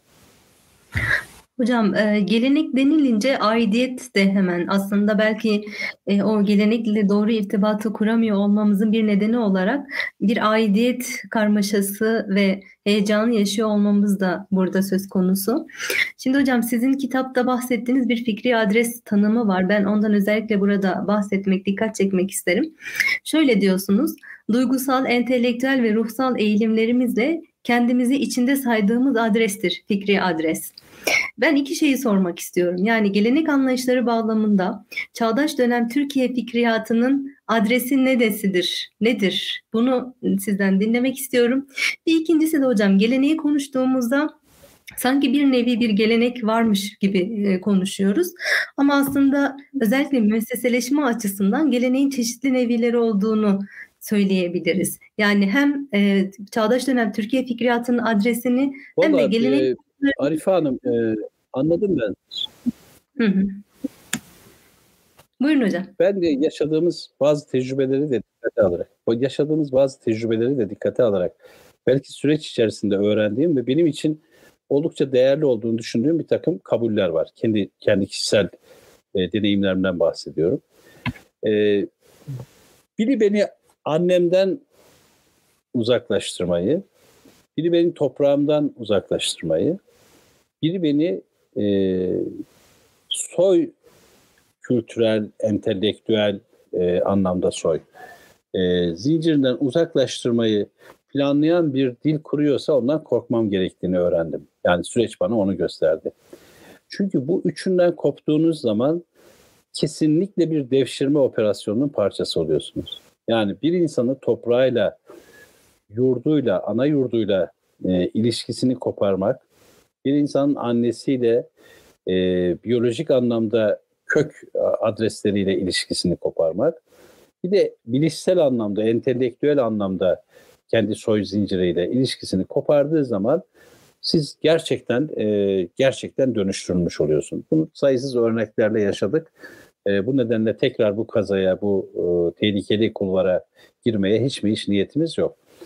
Dolayısıyla burada e, soy zinciri yani geçmişle gelecek arasındaki bu devamlılığı çok e, yani aidiyeti e, canlı tutmayı, o aidiyeti belki tahkim etmeyi, güçlendirmeyi gerektiren bir süreçten geçiyoruz. Yani bugün mesela kimlik konusu basit alınacak bir şey değildir. Sen kimsin sorusu boşta bırakılacak bir soru olamaz. Sen kimsin sorusunu da tabii ki önümüzdeki seçeneklerden biriyle dolduramayız. Yani bize sunulmuş seçeneklerle yol alamayız. Bizim e, mevcut bakiyeyi dikkate alarak ne olduğumuz konusunda bir açıklığa ihtiyacımız var. Ya ben Müslümanım diye kendinizi tanımladığınız zaman onun bugün ne gibi gereklilikleri, ne gibi sorumlulukları, ne gibi bir dili e, ortaya koymanızı zorunlu kıldığını bilmeniz gerekir. Yani bunun, bu kimliğin, bu aidiyet vurgusunun sizden beklediği, sizi harekete geçiren bir takım payları olduğu kesin. E, tabii biraz oyalanıyoruz yani çok oyalayıcı bir süreçten geçiyoruz. Öyle şeyler yaşıyoruz ki yani pandemi sürecinde bile mesela bu süreci yoğun bir şekilde kendimizi bulma, kendimizi inşa etme, eksiklerimizi telafi etme gibi e, bir çabayla e, tamamlama gibi niyetimiz varken yani şahsen başta ben olmak üzere öyle sanıyorum pek çok kişi bu süreci yine bildik alışkanlıklarla e, devam ettirdik ve biz buradan da karlı çıkamadık yani. Buradan kendimizi bulma, inşa etme, sınırlarımızı yeniden öğrenme, ilgi alanlarımızı gözden geçirme, nerelere doğru yönelmemiz gerektiği konusunda esaslı bir öğrenme faaliyeti gerçekleştiremedik. Burada tabii çok çeldirici, bizi böyle etkisi altında tutan e, olağanüstü çabalar, olağanüstü endüstriyel e, müdahaleler var. E, biraz e, epistemolojimizi değiştirmek, biraz dünyayı nasıl e, karşılamamız gerektiği konusunda bilenlerle, akledenlerle, fikredenlerle yakın durmak, onların deneyimlerini, onların çıkarımlarını ortaya koydukları e, metinleri takip etmek, biraz kafayı yormak gerekiyor gibi geliyor bana. Yani böyle çok ucuz e, bir kart vizitle, bir e, küçük bir e, anekdotla ilerleyemeyeceğimiz kadar, e, onlarla idare edemeyeceğimiz kadar zor bir süreçten geçiyoruz. Büyük çarpışmalar var, büyük sorular var. Etrafımızda mevcut dini strüktürümüzü alt üst edecek söylemler var. E, dini bakiyemizi e, tiye alan, dini bakiyemizle ilgili olur olmaz eleştirileriyle zihin dünyamızdaki konforu, kabullerimizi e, yerle bir etmeyi göze alan söylemler var. E, bütün bunlar için okumak gerekiyor, bir halkaya dahil olmak gerekiyor. Bu konularda kafa yoran insanların sorumluluklarına ortak olmak gerekiyor. E, biraz biraz hakikaten esastan e, bu konuları düşünmek gerekiyor. Bunlar e, bir grup insanın gerçekleştireceği, diğerlerinin de tatilde kendilerine bir yer bulacağı bir şey değil. Bu hepimizi ilgilendiren bir şey. Yani burada bulunan arkadaşlarımın için de benzer şeyleri söyleyebilirim. İçinden geçtiğimiz dünyanın e, sahip olduğumuz ve bugüne kadar getirdiğimiz şeyleri dereden tepeden hiç dolaşmadan doğrudan üstümüze üstümüze gelerek sorguladığını, üstümüze üstümüze gelerek bunları e, bir şekilde e, madara etmeye çalıştığını. Peki bizim cevaplarımız ne olacak? Nasıl bir duruş sergileyeceğiz? E, böyle bu kadar kolay teslim olacak mıyız? Burada adı konmamış bir entelektüel savaş var. Bu savaşı ancak emek vererek, çaba göstererek, üzerinde durarak e, kendi kontrolümüze taşıyabileceğimiz kanaatindeyim. Yönetilebilir düzeye çekebileceğimiz e, kanaatindeyim. Yoksa yani sonuçta bir yeniçeri olmaktan ileri gitmez bizim bağırmalarımız, çağırmalarımız. Evet hocam sizi çok yordum ee, ama mutlaka sormam gerekiyor dedim. Öksürük, öksürük belası olmasa çok güzel gidiyor da Evet ben de çok zevk alıyorum eminim e, dinleyicilerimiz de aynı şekilde e, zevk alıyorlar. Hocam e, aslında yer yer değindiniz ama müstakilen de konuşmak gerekiyor diye düşünüyorum. Yani çünkü e, Türkiye modernleşmesinin merkezi nedir dediğimizde herhalde rahatlıkla dinin olduğunu söyleyebiliriz. E, bu, bu noktada Türkiye modernleşmesinin din ile kurduğu ilişkiye dair neler söylemek istersiniz?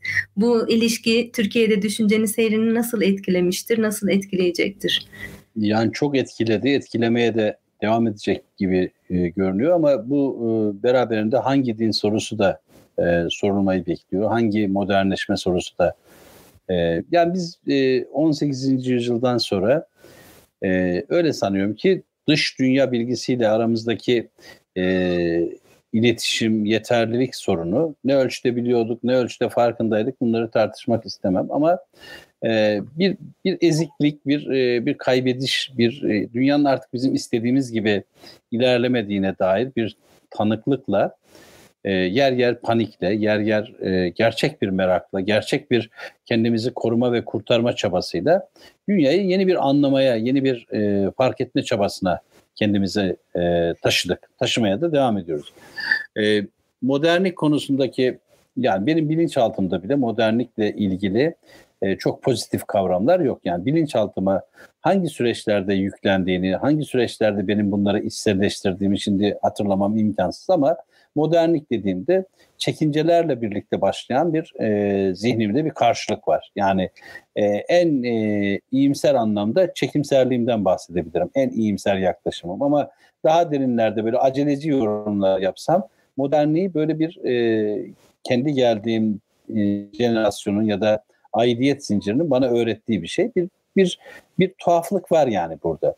Osmanlı modernleşmesi yani e, daha derinlere girersek Batı ile kurulan ilişkilerin nasıl olması gerektiği konusundaki erken dönem adımları e, böyle bir meşruiyet arayışı içinde gerçekleşti. Yani modernlikle e, batılılaşma üzerinden kurduğumuz e, modernlikle ilişkimizde bütün bunları kitaba, sünnete, şeriata bağlı bir şekilde ona onaylatarak e, ilerletme konusunda bir e, duyarlılık var.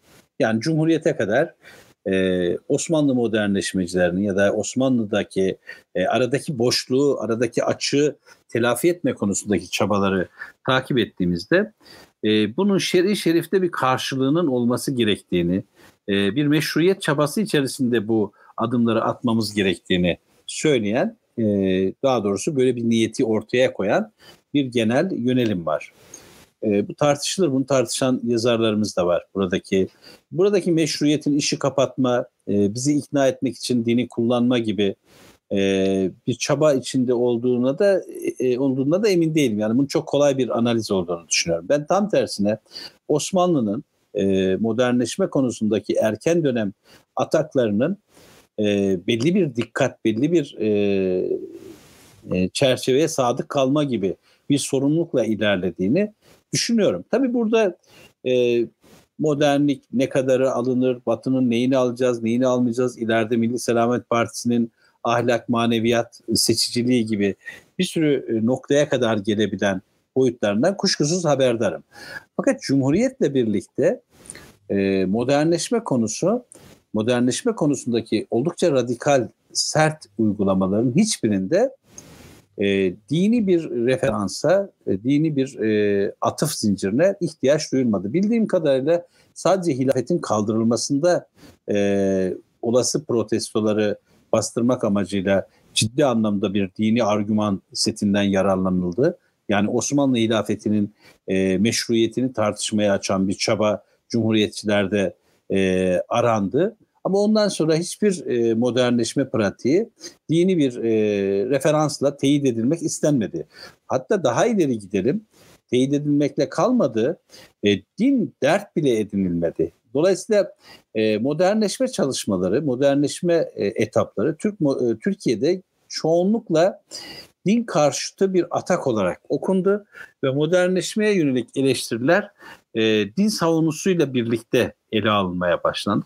Dolayısıyla ilikler yanlış bağlandı, yelek yanlış giyildi ve o günden bugüne de e, çağdaş dünyanın ortaya koyduğu verimleri, o verimlerin dayandığı ontoloji, o verimlerin dayandığı epistemoloji e, dikkate alınarak sürekli reddedildi ve bu e, burada e, gündelik gerçekliği sayıcı bir şekilde takip etme konusunda bizi de yoran, bizi de zora sokan bir e, bir sahtelik, bir e, uyumsuzluk süreci başladı. Yani bir yandan modernliğin verimlerini takip etme konusunda sınır tanımayan bir e, akış ama bir yandan da e, bu akışı e, gayrimeşru sayan, bu akışı e, İslami açıdan e, problemli görmekte sakınca görmeyen, problemli bulan e, yoğun bir dini e, şey sataşma dili.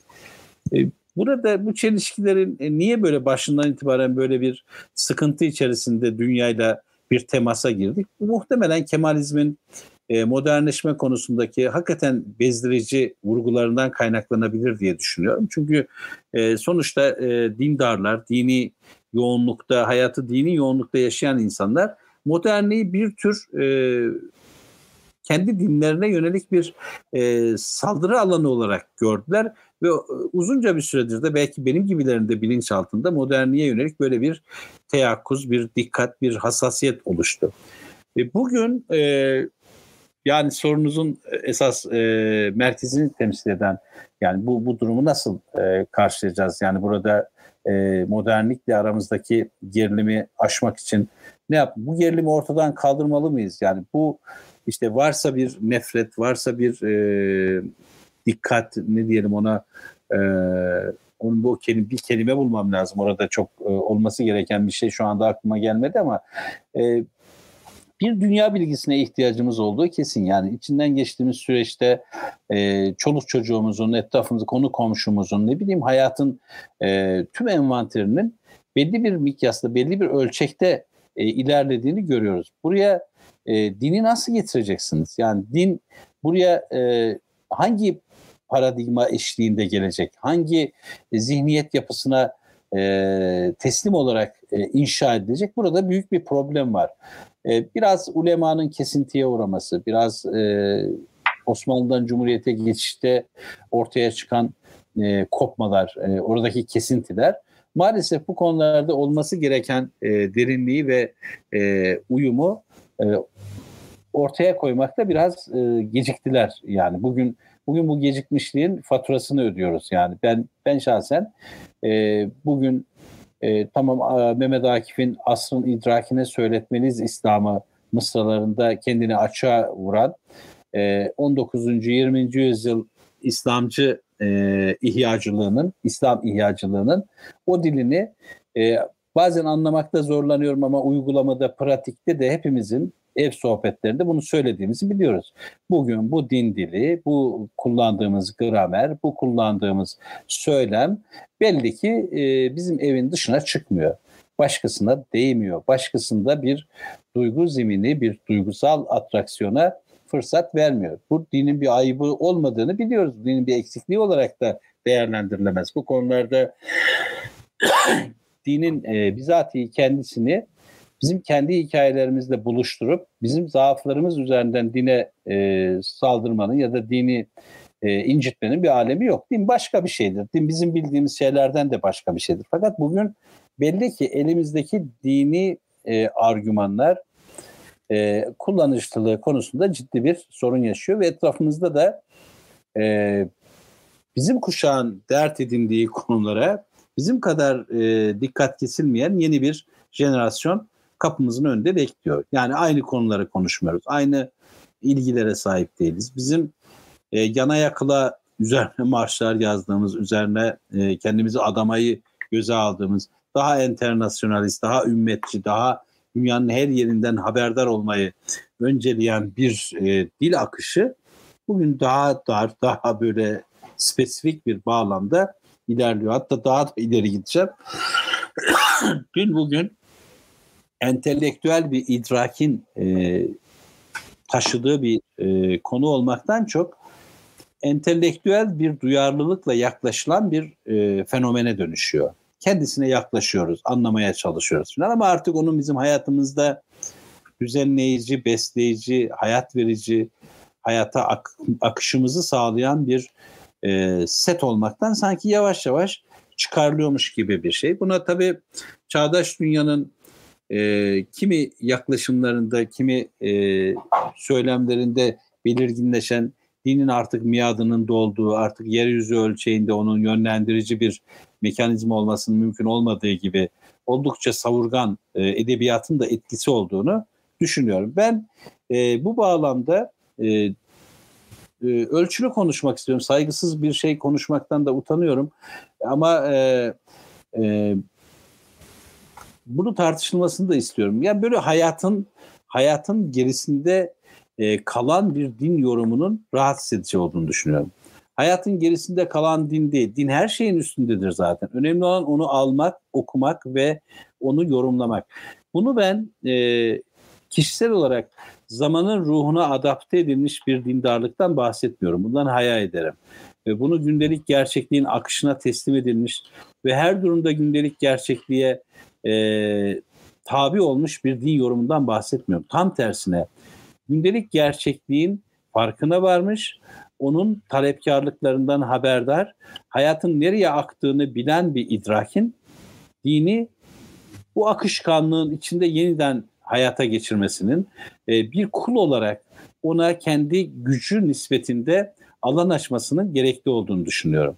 Daha fazla söylersem yanlış bir şey söylemekten de açıkçası e, çekiniyorum. Çünkü bunu dile düşürmek, dile dile çevirme konusunda çok da yetenekli değilim. Çok da üzerinde çalıştığımı söylemiyorum. Fakat bugün dinin yorumlarının e, e, yaygın popüler yorumunun e, dine e, sunduğu dini dini mağdur ettiğini düşünüyorum ya. Dinin mağdur olduğunu düşünüyorum. Bunun e, sorumluluk sahibi kullar tarafından e, düzeltilmesi gerektiğini düşünüyorum. Kuşkusuz her şey Allah'ın elindedir. Kalplerimizi evirip çeviren O'dur. Sonumuz O'na aittir, başımız O'na aittir. Bundan hiçbir şüphem yok ama belli ki belli ki e, e, dışımızdaki dünyanın din hakkında ürettiği e, ve yer yer incitici sayılabilecek yorumları besleyecek bir e, kadroyla biz üretiyoruz.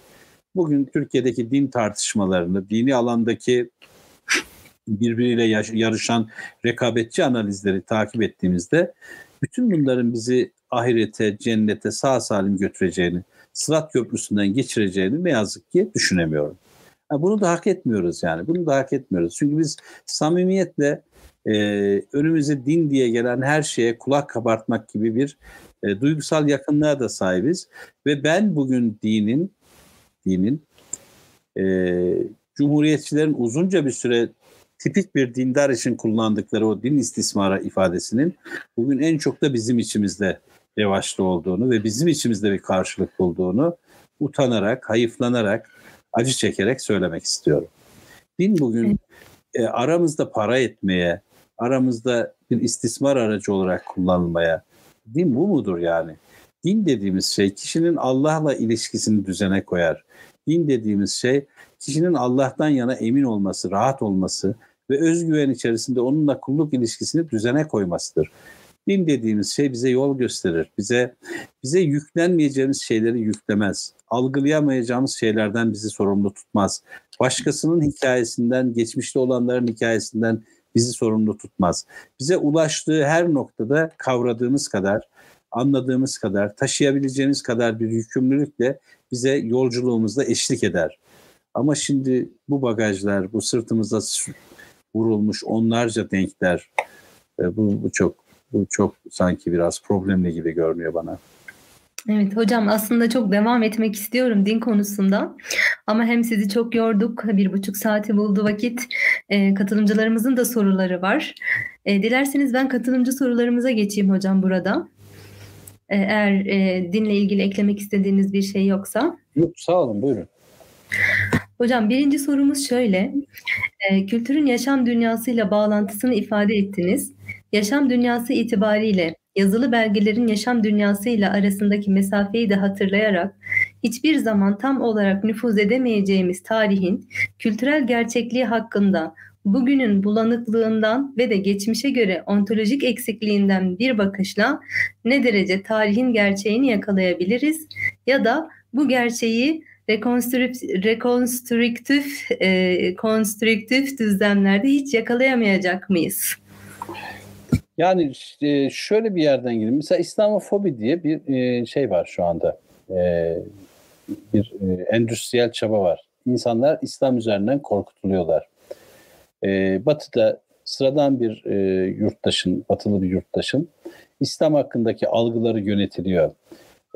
Şimdi ne üzerinden yürütülüyor? Burada burada İslam üzerine üretilen korku yani fobi, bu ürkütme edebiyatı neleri harekete geçirerek e, yürüyor? İşte Haçlı Seferleri, Kudüs, e, Hz. İsa, Hristiyanlık, İslam rekabeti, Endülüs, e, İspanya Müslümanlığı vesaire vesaire. Bunları kimse vazgeçiyor mu tarihlerinden e, bu hikayeleri ayıklayarak bakıyorlar mı? Bugün bugün tipik bir batılı öznenin zihninde e, doğuya bakış, e, doğuyu oryantalize ediş, yani e, bir kısım boyutlarıyla Said'in, Edward Said'in e, o muhteşem eserine de bakmak gerekir. Bugün onu aşan pek çok güzel çalışma da yapılmıştır oryantalizm. Şimdi bu algılar, bu üretilmiş, bizim hakkımızda üretilmiş algıların nereye kadar doğru, ne kadarının sahiplenilebilir bir şey olduğunu söylüyor. İşte tarih, tarih orada bir bagaj olarak sürekli hatırlarda. Şimdi biz mesela nasıl unutabiliriz kendi hikayelerimizi? Bunların daha soğukkanlı bir şekilde okunması gerektiğini düşünüyorum. Yani e, tarihçilerimizin böyle şovenist, e, ne bileyim e, böyle e, kendi tarihiyle yatıp kalkan, kendi tarihinin e, övgü edebiyatıyla kendini tatmin etmekten başka hiçbir şey yapmayan o e, hikayeyi bir tarafa bırakıp bizim e, bu coğrafyada, bu topraklarda nasıl varoluşsal bir gerçeklik ürettiğimizi ve bu gerçekliğin hangi dinamiklerle bugüne kadar vardığını e, okumamız, bilmemiz, e, sağlıklı e, tarih okumalarını, onları felsefi bir arka plandan beslenerek bugüne getirmemiz gerekiyor. Şimdi eğer eğer tarihi e, o e, yakın ve uzak arka planı devre dışı bırakırsak buradaki köksüzlüğümüzü nasıl e, gidereceğiz? Yani bu, bu coğrafyayla yani yakın zamanda Ayasofya üzerine o kadar ilginç bir e, tartışma yapılmıştı ki Ayasofya ibadete açıldığı günlerdeki e, bu topraklarda ortaya çıkan tartışmaları hatırlayın. Burayı onlara vermekten, bunu Bizans'a geri teslim etmekten bahseden e, metinleri ben okudum. Ben okudum. Başkasından duymak istedim. Ben okudum. E, bu bu bu tür bir yönelim nasıl oluyor? Bu coğrafyada e, bu haylazlığa nasıl prim veriliyor? Bu haylazlık nasıl kendine bir zemin buluyor? E, belli ki burada bir ihmalkarlık var. Burada e, kendi tarihimizi okuma konusunda bir yetersizlik var.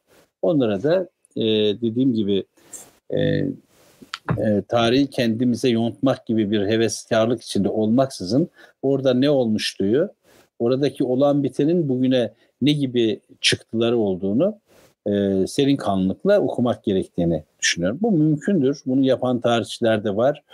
E, biz biraz da tarihte yaşıyoruz yani e, bazen orada zorlanıyoruz orada yaşamakta ama tarih yani ben şimdi mesela asr saadeti nasıl e, hayatımdan çıkarabilirim? Hulefai Raşid'in döneminin uygulamalarını bir bellek olarak hayatımdan nasıl çıkarabilirim? Kur'an'daki peygamberlerin kıssalarını hayatımda e, nasıl değersizleştirebilirim? Ben Firavun'la Musa arasındaki ilişkiyi İbrahim'le İsmail ne bileyim Nuh Aleyhisselam'la oğlu bütün bunlar yani bırakın bunlar bir kıssa nihayetinde ama bütün tarih yani e, bu coğrafyadaki varlık sebebimizin e, okunması, değerlendirilmesi ve bugüne ondan ne gibi ilham verici kayıtlar çıkarılabileceği konusunda gerçekten emek verilecek çabalara ihtiyaç var. Vazgeçelim bir an bütün bu veri kataloğunu silelim bakalım ne oluyor. E, ya biraz adam yani biraz Amerika'ya, biraz Rusya'ya, biraz Çin'e baktığımız zaman e, tarihin elimizde nasıl da bir e, sağlam bir done olduğunu da göreceğiz herhalde. E, bunlardan vazgeçtiğimizde bu coğrafyada bizim nasıl bir komik duruma düşürüleceğimizi ufak tefek operasyonlarda zaten sık sık görmüyor muyuz? Evet. Evet. Teşekkür ederim hocam. İkinci sorumuzu iletiyorum. Modern kültür, popüler kültür vesaire gibi kültürler gündelik hayatımızın içinde fazlaca yer kaplarken, konuşurken, eylerken neden Müslüman kültürü gündelik hayatımızın içinde yerleşik kılamıyoruz? Dünde kalıyor, bugüne taşıyamıyoruz. Bunu becere bunu beceremediğimizi düşünüyor musunuz? Eğer beceremiyorsak becerebileceğimize dair ne yapmalıyız?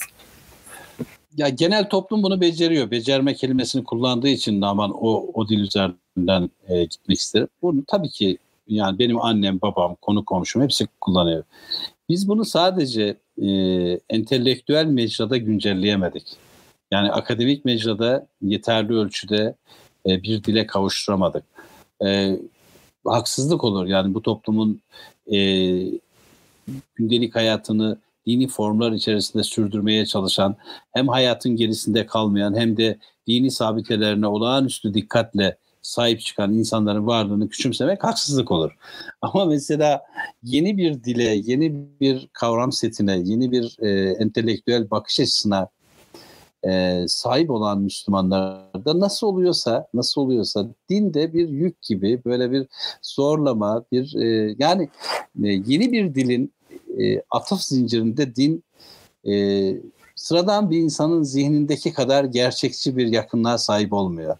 Sonraki bir evlilik, sonraki bir yakınlık. E, bu eksikliği herhalde bir ben görüyor değilim. Herkes herhalde bunu görüyor. Bir eksiklik olarak tanımlıyorum. E, burada e, sadece bir entelektüel uğraş olarak konuşmak da haksızlık olur. İnsanın Allah'la olan ilişkisi bambaşka bir şeydir. Bu e, doktora savunma sınavı gibi değildir. İnsanın Allah'la olan ilişkisi imanla başlar. Ve imanın gereklilikleri de ne, ne zaman ne yapılacağı konusu da e, temel rükünlerde mutlaka belirtilmiştir. Yani e, cenneti kazanmanın da e, bir literatür zenginliği gerektirdiği kanaatinde değilim. O kadar da abartmaya gerek yok yani. Cenneti kazanmanın yolu mümin olmaktır. Evet. Evet hocam son sorumuzu da iletiyorum hocam. Evet. Modernleşme ve muhafazakarlaşma hakkında hocamız neler düşünür? Aslında konuyu çok başa çekmiş e, katılımcımız. Olsun ben anladım soruyu. Ne söylemek istersiniz? Buyurun. Ya bu kavramları tabii ki içinde geçtiği, içinden geçtiğimiz süreçlerde e, bir adlandırmadır bunlar. Yani bu modernleşme dediğimiz şey e, farklılığını az çok idrak ettiğimiz bir süreci, bir bir yönelimi nasıl e, tanımlamamız gerektiğine dair bir çabanın ürünüdür. Muhafazakarlaşma da öyle. Mesela muhafazakarlaşmayı yalın anlamda kullandığımız zaman e, sanki geçmişte gelenekte olanı hiçbir ödün vermeksizin olduğu haliyle, o katı haliyle e, var olan haliyle bugüne taşımak ve onda devamlılık üretmek gibi bir şey algılanıyor. Oysa aklı başında olan herkes biliyor ki e, Türk muhafazakarlığında kendine özgü bir modernliği vardır ve bazen modernliği de sollayacak bir hıza sahiptir. Türk muha- muhafazakarlığının kendine özgü modernleşme serüveninde ayrıca oturup çalışılması gerekir. Burada e, bu kavramlarla vurgulanmak istenen şeyin yani modernleşmenin ve muhafazakarlaşmanın gerçek ve sayıcı bir karşılaştırmaya izin verdiğini sanmıyorum. Ben şimdi ben şimdi geçmişten bugüne gelmiş e, din, gelenek, kültür vesaire gibi o müktesebatımı saygıyla e, değerlendiriyorum. Onları bugün e, onları bugün devamından yanayım. Onların e, bazılarından vazgeçebilirim, bazı denkleri çözebilirim. Bazılarını bugün zamanı gelince yeniden hatırlanacak şekilde bir kenara koyabilirim. Ama bundan vazgeçmem söz konusu değil. Bu benim işte misafir gelince açılacak yataklarımdır. E, misafir gelince açılacak kapkacağımdır. Hepsini kullanacak durumda olmayabilirim. Bazıları benim nostaljimdir. Bazıları benim inancımın bir parçasıdır. Ama ben aynı zamanda da içinden yaşadığım e, bu dünyayı e, teneffüs ediyorum ve tahta kaşık değil e, demir kaşık kullanıyorum. Bütün bunlara baktığımız zaman yani böyle aceleci e, bir durumu kurtarmak için kullanılan tanımlamaların e, problem yarattığını ama en çok da bize ayıp kaçan tarafı kendi fiili durumlarımızı kavramsallaştırma konusundaki yetersizliklerimizdir. Bugün akademi dünyası, entelektüel dünya hala emanet kavramların içine onları yeşile boyayarak, onları bir şekilde muhafazakar edalarla karşılamayı göze alarak falan ama işte gördüğünüz gibi ben mesela modernleşme hayır diyorum, muhafazakarlaşma hayır diyorum. Peki ben ne yapacağım? Kavramlar beni ikisi de karşılamıyor. Ee, burada e, kavramları üretme konusunda biraz e, enerjik olmak, biraz e, taşın altına elimizi koymak ve böyle ilerlemek gerektiğini düşünüyorum. E, yayın dondu galiba.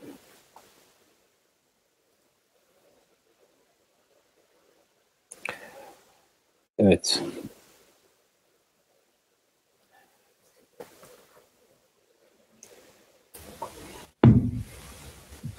Evet siz düştünüz yayından Arife Hanım. Moderatörler düşerse çok kötü bir şey. Evet hocam çok üzgünüm. Ee, bir anda görüntü gitti. Çok özür diliyorum. Evet. Ee, inşallah. Çok önemli, çok önemli şeyler söyledim ama duymadınız. Artık yayından izleyeceğim inşallah. Şaka bir yana, şaka bir yana. İyi oldu. Evet. Ee, evet hocam ben çok teşekkür ediyorum. Kendi adıma çok notlar alarak e, dinledim. Çok istifade ettim. İnşallah katılımcılarımızın da çok istifade ettiği bir oturum olmuştur. Böyle bir zamanda tüm yoğunluğunuza rağmen e, davetimizi kabul ettiğiniz için kurumumuz ve yönetim kurulu üyeleri Evet ben de o zaman teşekkür ederim. Arife Hanım tekrar herhalde düştü. Bildiğim kadarıyla yayına evet. Van'dan e, katılıyor. Ee, yine düştüm ve geldim sanırım. Tamam. Ben de sana evet. teşekkür ediyordum zaten. Van'dan katılıyor yayına. Ee, evet. diye bir şeyler söylemeye çalışıyordum. Bağlayın o zaman öylece bitirelim. Evet, ülkenin en doğusundan e, tüm e, bölgelerine buradan çok çok selamlar, hürmetler. Hocam bir sonraki e, programımızla ilgili de bilgilendirme yapayım. Ahmet Köroğlu hocam, Süleyman Güler hocamın moderatörlüğünde İslamcı düşüncenin teşekkülü bağlamında Türk düşüncesinde bir arayış olarak tercümeleri konuşacaklar 9 Şubat'ta. E, 9 Şubat Salı günü görüşmek dileğiyle diyorum. Hoşçakalın, Allah'a emanet olun. Peki, iyi geceler herkese. E, iyi günler diliyorum.